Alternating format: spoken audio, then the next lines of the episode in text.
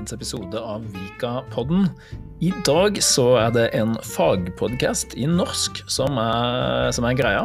Da er det rett og slett Hanne og Andreas som skal introdusere et lite prosjekt. Et litteraturprosjekt som da går for alle klassene eh, i VG1. Og da selvfølgelig i faget norsk. Så velkommen til dagens episode. Velkommen til eh, Vikas litteraturpod. Eh, her sitter vi da med fantastiske norsklærerne Andreas og Hanne. Hallo. Hallo, Erik. Velkommen. Hallo, takk. Tusen takk. Kan ikke dere si litt om dere sjøl? Ja, Andreas heter jeg. Har A-klassen og D-klassen og E-klassen i norsk. Og da trenger jo ikke jeg å si så veldig mye, for da har jo jeg de tre klassene som ikke Andreas har. Ja, det er litt en Sammen- deduktiv metode. Ja, Så sammen utgjør jo vi eh, Vika sin norsklærerduo. Fantastisk. Og hva er dere her for å snakke om i dag? Du, nå er vi her for å snakke om at vi skal begynne med et eh, romanprosjekt Mm. i eh, alle klassene. Så vi skal lese, alle skal lese minst én roman, så håper vi at mange får eh, lest to. Vi har nemlig lagt opp litt annerledes enn da dere leste roman i engelsk. Da leste jo alle sammen den samme boka. Vi prøver oss på en liten vri der vi har fire bøker som elevene skal kunne velge mellom. Riktig. Sånn at man får eh, Ja. Velge litt det man er interessert i, rett og slett. Ja. Hvordan skal de kunne velge, da? De må jo vite litt på forhånd. Ja, så Det er jo det vi skal snakke litt her om eh, i dag. Så vi har med oss alle fire bøkene her. Vi har valgt ut fire bøker som vi tror kan, eh, kan slå an her. Ja.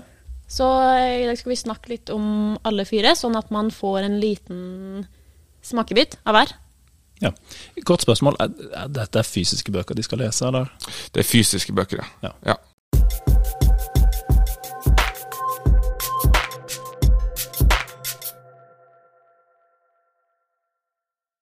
Ok, hvilke bøker er det, da? Den første boka vi skal snakke om, det er um, 'Alt jeg ikke husker' av Jonas Hassen Kimiri. Det er den veldig fine grønne boka her, som eh, åpner med et eh, Rihanna-sitat. Ja. Eh, da vet man at det blir bra. ja. Men eh, ja, så Erik, hvis du plutselig bare forsvant i dag La oss si du bare forsvant i løse lufta, og vi så deg aldri igjen. Har du tenkt over eh, hva ville på en måte blitt igjen av deg hvis vi bare samla inn alle historier og minner som folk rundt deg hadde om deg, og hva som ville forsvunnet? Eh, eh, om jeg har tenkt på det? Ja, har du tenkt på det? Nå kommer du i hvert fall til å tenke på det. Ja, nå, jeg, ja nå, nå blir jo det det eneste jeg kommer til å tenke på. Ja. Ehm, jeg kan ikke si at jeg har tenkt sånn eksplisitt på det, men det er jo en litt kul tanke. da. Ja. Det, eller interessant. Mm. Sånn, Hva, er det liksom, hva er det som er igjen hvis man forsvinner? Og det er egentlig det som er utgangspunktet for den uh, boka her. Uh, for uh, Samuel, som er hovedpersonen, han eh, er død når boka starter. Det er ingen spoiler, for det tror jeg står allerede bakpå. Eh, og så handler boka da om at vi får høre ulike personer som sto han nært, fortelle om han. Eh, for at vi skal finne ut hvem var Samuel, eh, hvordan, hvilke relasjoner hadde han, og ikke minst hvorfor døde han. Mm. Så merker man jo litt etter hvert at noen perspektiver samsvarer, noen krasjer litt, og så ja. Mm. Så er det et kult sånn eh, metaperspektiv i den boka, for den handler om en eh, forfatter som skal skrive bok om eh, Samuel. Så det er hans research, da, der han prøver å få ulike stemmer til å snakke om Samuel. Så er det jo de, de stemmene som til sammen utgjør Samuel som person, da. Ja. Hvem var det som hadde skrevet den? Jonas Hassen Kemiri heter han, en svensk eh, forfatter. Den vi har kjøpt og oversatt uh, til norsk. Han har også skrevet Et øye rødt, som var hans gjennombruddsroman. som er en sånn type, ja, det man kaller på en multietnolekt, eller rinkebysvensk, eller kebabnorsk, som man gjerne kaller det der. Språket er ikke sånn her, men det har en sånn uh, ja, Den tematiserer litt eh, multikulturelle Skandinavia også. Sverige er jo det mest multikulturelle Skandinavia, vil jeg si. Ja. Ja, Uten tvil. Mm. Spennende. ja. Den er veldig, altså det er en veldig vakker bok. Jeg tar meg selv i å på en måte referere til, eh, til scener i den, og har på en måte adoptert noen av de sitatene fra den, og noen av uttrykkene. Hvis jeg hører på nå, så dette er lyden av at vi blafrer i boka. Fin lyd. Ja, det er en fin lyd. Lukta Det er, det helt er helt eget å lese bøker på, altså fysisk. Det er mye bedre. Mm. Um, ja, 300 sider. Vil du si den er lettlest? Den eh, er språk, Språklig sett så er den eh, ikke en tung bok. Eh, den krever at man er litt den, Perspektivet skifter veldig ofte. Det skifter veldig ofte hvem som forteller, og hvem, hvem du følger. Så man må kanskje være litt konsentrert når man leser den. Ja, Men det bør man jo være når man leser den. Men absolutt ikke en tung bok, altså. Så du skal lese et utdrag for oss, Hanne. Ja. Så det utdraget jeg har valgt ut, da snakker jo da denne forfatteren med en av dem som kanskje sto Samuel nærmest. Um, der hun også har blitt kjent med en annen som sto Samuel veldig nær. Sånn at man også blir litt kjent med relasjonen mellom dem. Jeg følte meg aldri trygg sammen med Vandad. Det spilte ingen rolle hvor mye Samuel snakket om lojaliteten hans. Vandad hadde et mørke i seg. Jeg kunne ikke stole på ham. Hver gang vi møttes, anstrengte han seg for at jeg skulle føle meg utenfor. Midt i en setning kunne han begynne å le og albue Samuel i siden. Det minner meg om Berlin, husker du Samuel nikket. Eller shit, husker du isnatta? Samuel smilte. Bros before hose, ikke sant? Vandad løftet hånda til en high five, og Samuel så forlegen ut da han besvarte den. Jeg satt der som en idiot.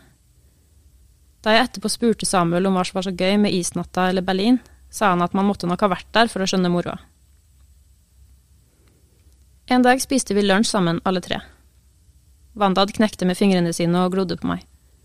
Samuel strevde for at det ikke skulle bli stille. Han spurte om vi hadde noen planer for helgen, og hva vi hadde gjort forrige helg, og jo mer jeg så ham streve, jo mer beklemt føltes hele situasjonen.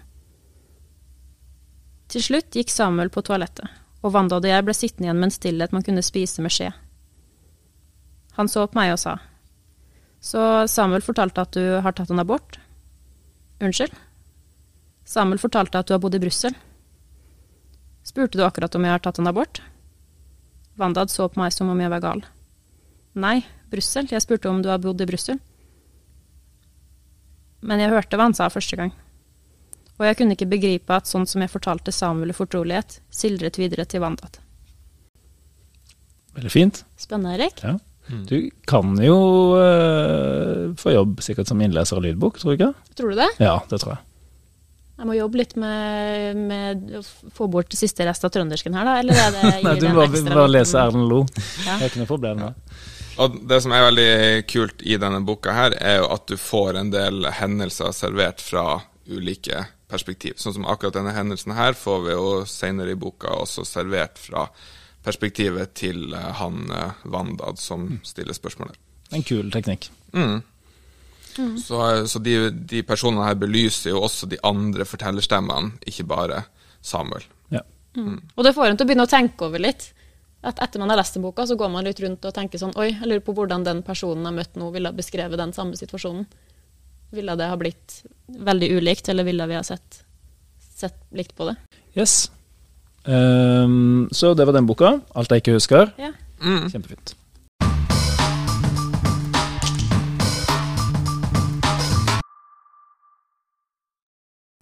Og så har vi bok nummer eh, to. Um, 'Innsirkling' av eh, Carl Frode Tiller fra 2007.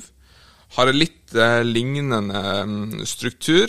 Um, her er det David som er innlagt på sykehus med hukommelsestap. Sykehuset setter inn en eh, annonse i avisa med bilde av han. Så du- kjenner du han her, og så oppfordrer de folk til å sende brev til han om han og eh, sitt liv for at han skal få hukommelsen tilbake. Er det min Har dere et tema? Er det minner og hukommelse som er tema, eller? Er? Foreløpig er det litt gjennomgangstema, men Ok. eh, Det brytes plutselig. Ja, altså, men ja, tilbakeblikk, minner, relasjoner i alle fall, og hvordan vi ser og møter hverandre som eh, mennesker, er nok eh, et gjennomgangstema her. Så da møter vi da mm, tre ulike fortellerstemmer her. Eh, Jon, som er barndomskompis med David. Silje, som er mm, ungdomskjæreste med David. Og Arvid, som er tidligere stefar da, av David. Og da beveger denne boka seg på to ulike tidsplan. Så alle disse mm, karakterene her, Jon, Silje og eh, David, der får vi vite litt om altså, nåtidsplanet, altså hvordan liv de har i dag. Og så er det da kryssklipt med de brevene som de sender til David. Ja. Så det gjør jo at disse brevene er det veldig lett å lese opp mot det livet som de har nå. Og alle tre er i en ganske sånn, hva man skal si, stusslig livssituasjon. Så man merker veldig godt i de brevene som de skriver til eh, David, at de, eh, de nyter veldig det å så leve seg tilbake til eh, den tida som har vært. Da. En gyllen fortid. Mm. Kan David, vil du si at David kan stole på dem, at det de sier stemmer? Nei, han kan jo ikke det. Og også her så får vi jo også et veldig ulike perspektiv av eh, David. Disse ulike stemmene beskriver en del av de samme situasjonene som David har eh, stått i. Og så dukker jo også Silje, Jon og Arvid opp i hverandre sine historier. Så det er en veldig kul teknikk, da, når man og det er også spennende generelt kanskje i livet. Vi har jo alle et bilde av oss selv, men, men hvordan ser andre eh, en, en, den samme situasjonen, eller kanskje oss, da. Det er jo en, eh, ja, en kul greie. Ja. Så jeg skal lese et lite uttrykk fra den. Ja. Og det er fra um, brevet Det første brevet som Jon skriver til eh, David, som handler om eh, første gang de møtes og blir venner. Og den har jeg skrevet på eh, nynorsk, så skal jeg prøve å lese på nynorsk. Vennskapen vår begynte da vi gikk i førsteklassen på gymnaset. Det skulle være en slags markering mot narkotika inne i gymsalen, og jeg hadde bestemt meg for å skulke, husker jeg. Jeg hadde lagt meg til et slags anarkist- og frike-image på denne tida, og jeg prøvde å innbille alle, meg sjøl inkludert, at det var anarkisten sitt liberale syn på det gateavisa hadde lært meg å kalle bevissthetsutvidende midler, som gjorde at jeg slengte sekken over skuldra og gikk mot utgangen. Om ikke demonstrativt, så i alle fall med det slentrende ganglaget og det litt påtatt likeglade og anstrengt sløve kroppsspråket som tenåringsgutter ofte legger seg til for å skjule hvor usikre de eg eg egentlig er. Det var det ikke. Pappa satt inne med en narkotikadom på denne tida, og det var misforstått lojalitet til han som gjorde at jeg ikke ville delta i markeringa. Og da rektor plutselig ropte navnet mitt og sa at jeg skulle gå tilbake og sette meg igjen med en gang, og da alle sammen snudde seg og ble sittende og stirre på meg, ble jeg brått overmanna av alle de følelsene jeg til da hadde greid å holde sånn no noenlunde kontroll på. Og jeg brast i gråt framfor hele skolen. De fleste visste nok at pappa satt i fengsel, og hva han hadde gjort, men der og da var det bare du som forsto sammenhengen mellom dette og det fullstendig uventa sammenbruddet. Og etter noen sekunder med total stillhet, der lærerstaben og de sikkert over 300 elevene stirra forbausa på meg, hørte jeg deg spørre rektor, høyt og tydelig. Hvordan hadde du likt å delta i en demonstrasjon mot din egen far? Den boka her er egentlig eh, veldig annerledes, på en måte. Altså, jeg har aldri lest en bok som ligner på den. Han har greid å komme opp med noe veldig nytt. Mm. Og så er jo, det her er jo ikke det multikulturelle Sverige, men mer som Bygde-Norge. Altså type av Tidligere er vel fra Namsos eller Steinkjer eller noe sånt sjøl. Og det er tydelig sånn bygdesamfunn som han skildrer. Og der er jo typisk at alle kjenner alle, samtidig som alle familier har sine sånne små, små hemmeligheter. Så det er et veldig annerledes miljø enn i alt jeg ikke husker, men teknikken eh, ligner jo litt. da. Og jeg kan love deg at etter tre sider så har du glemt at den er på nynorsk. Selv om du ikke er vant til det. Ja. det er Nynorsk er jo et, et fantastisk eh, litterært språk, da. ja. Og så er det jo også fin, eh, fin øving, nå som vi har eh, en slags eh, nynorsktermin. eh. Absolutt. eh, Gratis trening. Mm.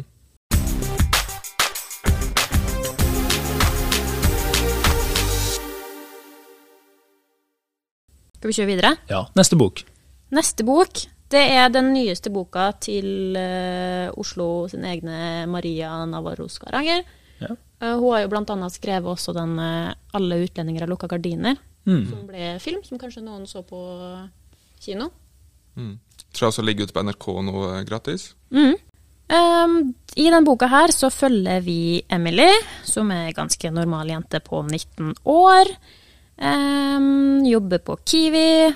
Hun er gravid, og faren til dette barnet han er, spiller ikke en sentral rolle i romanen.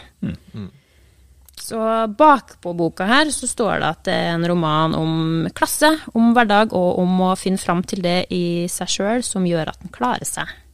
Og da bare hopper jeg til en sånn konklusjon. Jeg antar jo at dette, altså handlingen er i Oslo?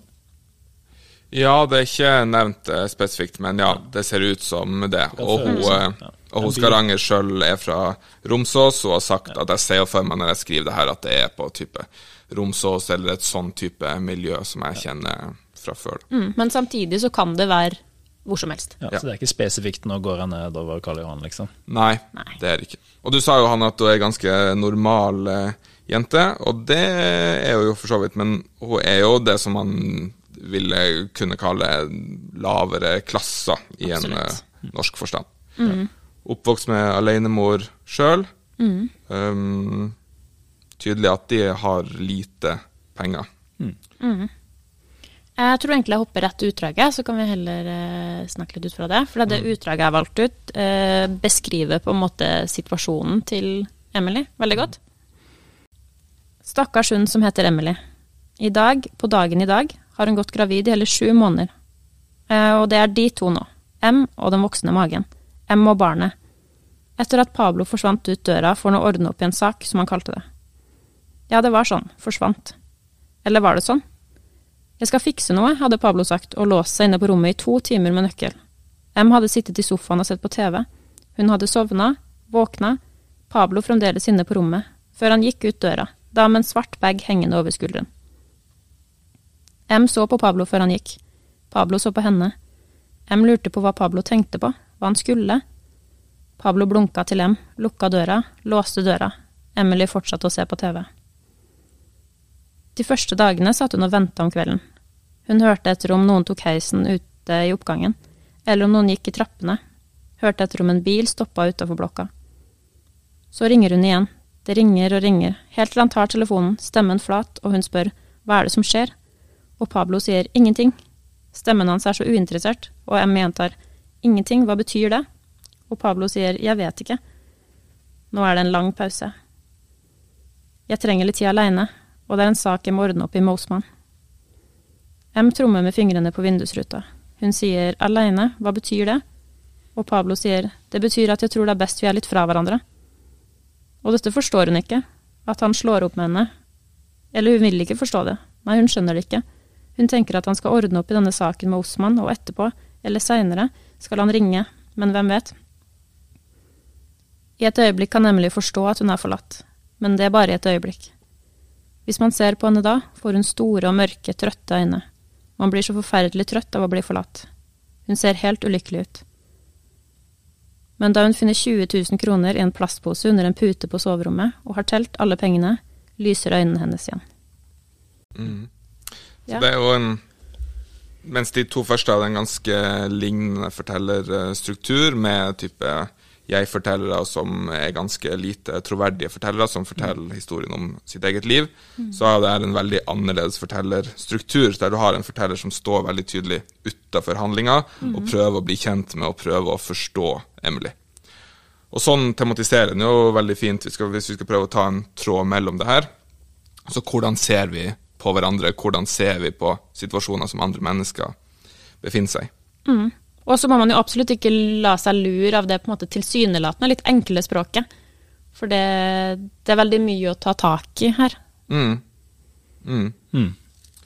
Ja, det er en veldig spesiell roman. Veldig sånn at den, den prøver seg fram, og man føler at man blir kjent med Emily samtidig som fortelleren blir det i løpet av, av romanen. Ganske mørke tema i flere av disse bøkene. Ja. Den første er liksom begynner med en, en som er død, da, og så skal bli, bli kjent med en etter, eh, altså, et, etter eh, at vedkommende er død. Ja. Og den eh, bygderomanen var jo også ja, hørtes mørk ut, i hvert fall.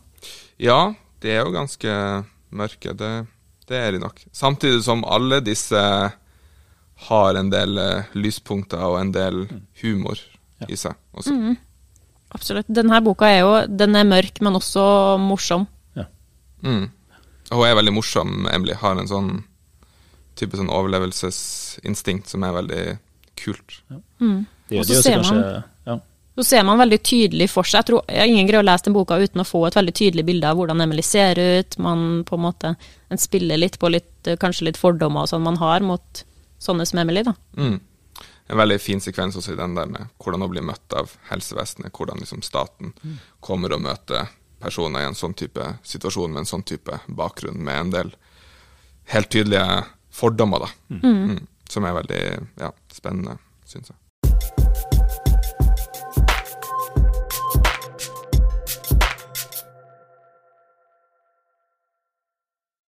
Ja, men det er litt uh, mørke, og det blir ikke lysere i den siste heller. Absolutt ikke. Den, altså, den heter jo 'Kjærlighet', men det er jo ikke, det er jo ikke en Love Actually-fortelling vi skal til nå. Nei. Okay. Hva het Altså, hva Ja, presenter boka. Ja, så Hanne Ørstavik. Um, 'Kjærlighet' fra 1997. Mm -hmm. uh, den korteste romanen som vi legger opp her, men også den veldig kompleks på, på veldig mange vis. Det handler om eh, Vibeke og Jon, som er mor og sønn. Um, Jon har bursdag i morgen, eh, blir ni år. Tenker veldig mye på det, og tenker veldig mye på mora. Mens eh, mor Vibeke egentlig har nok med seg sjøl. Um, ja, så følger det da livet deres en kveld og en natt med de to. Så en, nok en alenemor-situasjon. Ja, ja, det er en del alenemødre her. Det er sant. Ja. Men her får man jo virkelig innblikk i en situasjon der på en måte det som skal være dine trygge relasjoner i livet, ikke fungerer, da. Ja. Helt som det skal. Mm. ja. Og den uh, tittelen 'kjærlighet' er noe veldig annet enn det man kanskje Ja. tenker i starten her. Er det, bruker, er det ironi, eller er det Jeg om det er ironi, for begge um, har en veldig lengsel etter kjærlighet. Men kanskje det er kjærlighet som i det å bli sett, det å bli forstått, det å bli møtt. Eller hva er kjærlighet i en vanskelig Altså, jeg regner med at kanskje relasjonen er under press pga. ytre faktorer, da, eksempel. Eh, Kan, kan det hende? Jeg har ikke lest det. Ja, det er ikke så tydelig, men det er i hvert fall helt tydelig en, en mor som har veldig nok med seg sjøl, Mm. og tenker veldig mye på andre personer, og veldig lite på sin sønn, da. Mens eh, sønnen da hovedsakelig tenker på mor. Så den er ganske vond. Ganske hjerteskjærende. Uh, jeg skal lese et utdrag fra den. Greier du å lese det utdraget uten å få tårer i øynene? Ja, heldigvis ingen som ser det, da, på en uh, podkast. Men vi kommer til å føle godt med. skildre. Ja. Så vi skal um, lese et um, utdrag fra, fra starten av uh, boka, da Vibeke kommer hjem, og Jon, da sønnen, sitter nede og, og hører på, på mor. Han hører skrittene hennes mot gulvet over seg, skoene.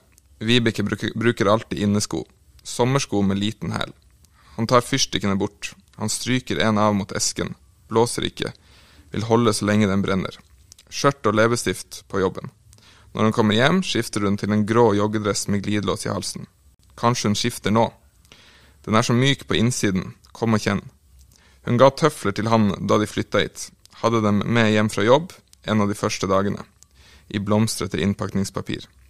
Hun kasta dem til han så han måtte fange i lufta. Ulltøfler som går opp til ankelen, med såle av skinn. De skal lukkes med en metallspenne. Hvis han ikke lukker spenn, klirrer det i tøflene når han går. Vibeke setter vannglasset på bordet. Hun ser ut av vi vinduet, det er mørkt. Gatelyktene er tent. De lyser opp veien mellom husene som ligger bortover på hver side. I nord munner bygdeveien ut på riksveien igjen. Det er en slags sirkel, tenker hun. En kan kjøre inn i sentrum av bygda, forbi kommunehuset og butikkene, gjennom bebyggelsen, svinge ut på riksveien lenger opp, følge den sørover og kjøre inn i sentrum av bygda igjen. De fleste husene har stuevinduene vendt mot veien. Vi må gjøre noe på helhetlig arkitektur. Bakenfor på alle kanter er det skog. Hun noterer stikkord på et ark. Identitet, selvfølelse. Estetikk, informasjon. Hun går ut i, ut i stuen. Det ligger et grått ullpledd med hvite sirkler i sofaen. På baksiden er det hvitt og sirklene grå. Hun tar det med seg og drar lenestolen bort til ovnen under vinduet. Tar opp en fagbok fra det lille, runde bordet. Boken har vokset omslag. Den er behagelig å holde i. Hun stryker over den med venstre hånd før hun åpner den. Hun leser noen linjer. Så blir hun sittende med boken oppslått i fanget, lener seg tilbake, lukker øynene. Hun ser for seg ansikter fra jobben. Folk som stikker innom kontoret. Det har blitt så fint der nå. Hun går gjennom situasjoner i hodet, repeterer sin egen mimikk. Jon står i døråpninga inn til stua og ser på henne. Han prøver ikke å blunke. Han vil spørre henne om noe til bursdagen. I morgen blir han ni år. Nå tenker han at det kan vente. Hun sover. Ei bok i fanget. Han er vant til å se henne sånn. Veldig representativt uh, utvalg der. Ja. Mm. Og det her, bare i det lille utdraget der, så skifter det jo veldig fort fram og tilbake hvem, du, hvem sine øyne du egentlig mm. ser gjennom. Mm. Hvordan er det, Tror du det, det er krevende for leseren å henge med, eller? Nei, jeg tror man etter hvert blir Man blir veldig fort kjent med de to uh, personene der. Mm. Og det er utrolig godt gjort, syns jeg, at de er så tydelige personer. Um, og det er veldig tydelig, det hører vi jo her også, at begge de to har en sånn kjærlighetslengsel og tenker veldig mye på andre folk. Mens da Vibeke tenker veldig mye på de på jobben, um, og da Jon tenker mye på, på mora. da. Mm. Så det er en sånn tydelig lengsel der som er veldig fin og vond på, på samme tid. Mm. Mm. Det her er litt sånn bok som er litt vanskelig å Altså, den er ikke helt egnet til å lese ti minutter her og ti minutter på toget, for den er litt vanskelig å legge fra seg når du først har begynt. Du blir veldig dratt inn i den. Mm. Så jeg ville faktisk ha prøvd å lese den litt sammenhengende. Satt av tid, rett og slett. Mm. Ja. Og det um, er jo litt av det vi skal trene på med å lese lengre tekster sånn her, og en grunn til at vi har det i fysisk format, at vi skal bli gode på å sitte og lese over lengre strekk. Mm.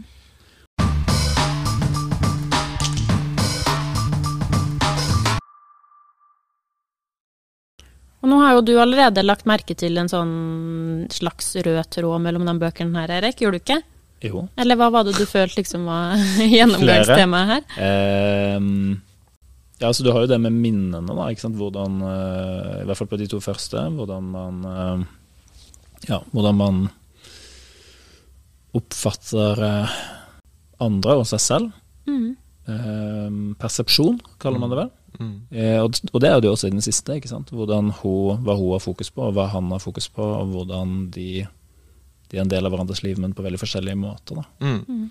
Og det er jo også veldig fint, det er jo både i 'Hjemlig Forever og, og, og kjærlighet, at man man vet jo hvordan andre personer er. ikke sant? Jon vet at mora er kjørt ut for å handle noe til uh, bursdagen. Mm.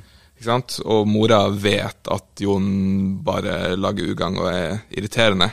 Men når vi skifter mellom de, så vet jo vi som lesere mer om, om begge to. Mm. Og samme er jo med, med Emily Forever. sant? Mm. Når det kommer noen som skriver uten far, og som er 19 år til fødestasjonen, så vet jo de på helsestasjonen at her kan det bli behov for ekstra oppfølging. ikke sant? Mm. Og så er det jo ikke nødvendigvis sånn. sånn. Så hvordan vi ser hverandre, er veldig tenker jeg er en veldig fin rød tråd i, i disse bøkene. Ja. Jeg tror Når du sier persepsjon, så er det et veldig fint nøkkelord mm. som knytter dem sammen. Mm. Altså hvem er vi for oss sjøl, og hvem er vi for verden, og hvem er andre for oss? Mm. Og hvordan det kan variere veldig, da. Mm. Viktig tema, da. Ja, det, det er jo det. Det trenger vi å tenke på. Så Eirik, hvis du skulle valgt, hvordan skal du sette i gang med når du kommer hjem? Jeg ville valgt den siste. Skjønner godt. Ja. Det er min favoritt, da. Eh, men jeg ville jo lest alle, selvfølgelig. Men jeg ville nok begynt med den. Mm. mm. Hvorfor det? Fordi den er kortest. Ja, det var enklest å lese. Kortest. Uh, minst effort. Nei, jeg, tenk, jeg syns det var et fint tema, og så likte jeg, jeg likte for så vidt språket i alle. Um, ja, men uh, jeg ville holdt en knapp på den. Mm. Så vi håper jo at uh, lærere i andre fag også skal uh, lese disse bøkene. Kanskje trekke inn der det er relevant inn i, i sine fag. Mm. Er det noe mer dere vil si nå på slutten? Er det noe dere brenner inne med, eller? Eller er dette slutten? Jeg brenner litt inn med å si kos dere.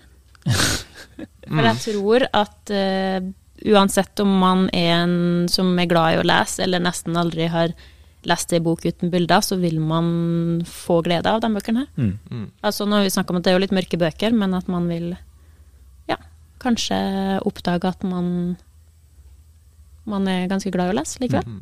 Men man må tørre å bruke tid på det. Man må tørre å legge bort eh, telefonen, og man må tørre å ja. tenke på om de andre liker den, eller om de heller ville lese en annen bok, eller hvordan bok som er enklest å få god karakter med å skrive om. og sånt.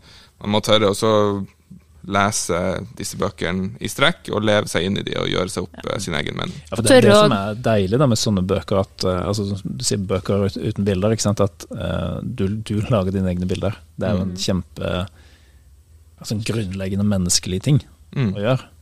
Vi gjør det jo i alle andre situasjoner. Eh, og har på en måte mista det litt, føler jeg. Altså, I hvert fall den ja, litt yngre generasjonen leser mindre. Mm. Og det er nok ikke helt heldig, sånn rent eh, kognitivt.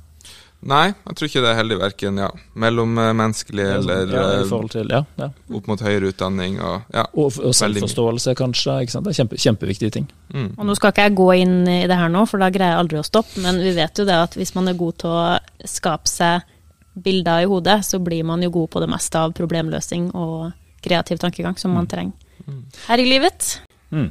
Ok, neimen da får vi bare si god lesning. God lesning, og lykke til med valget. Mm.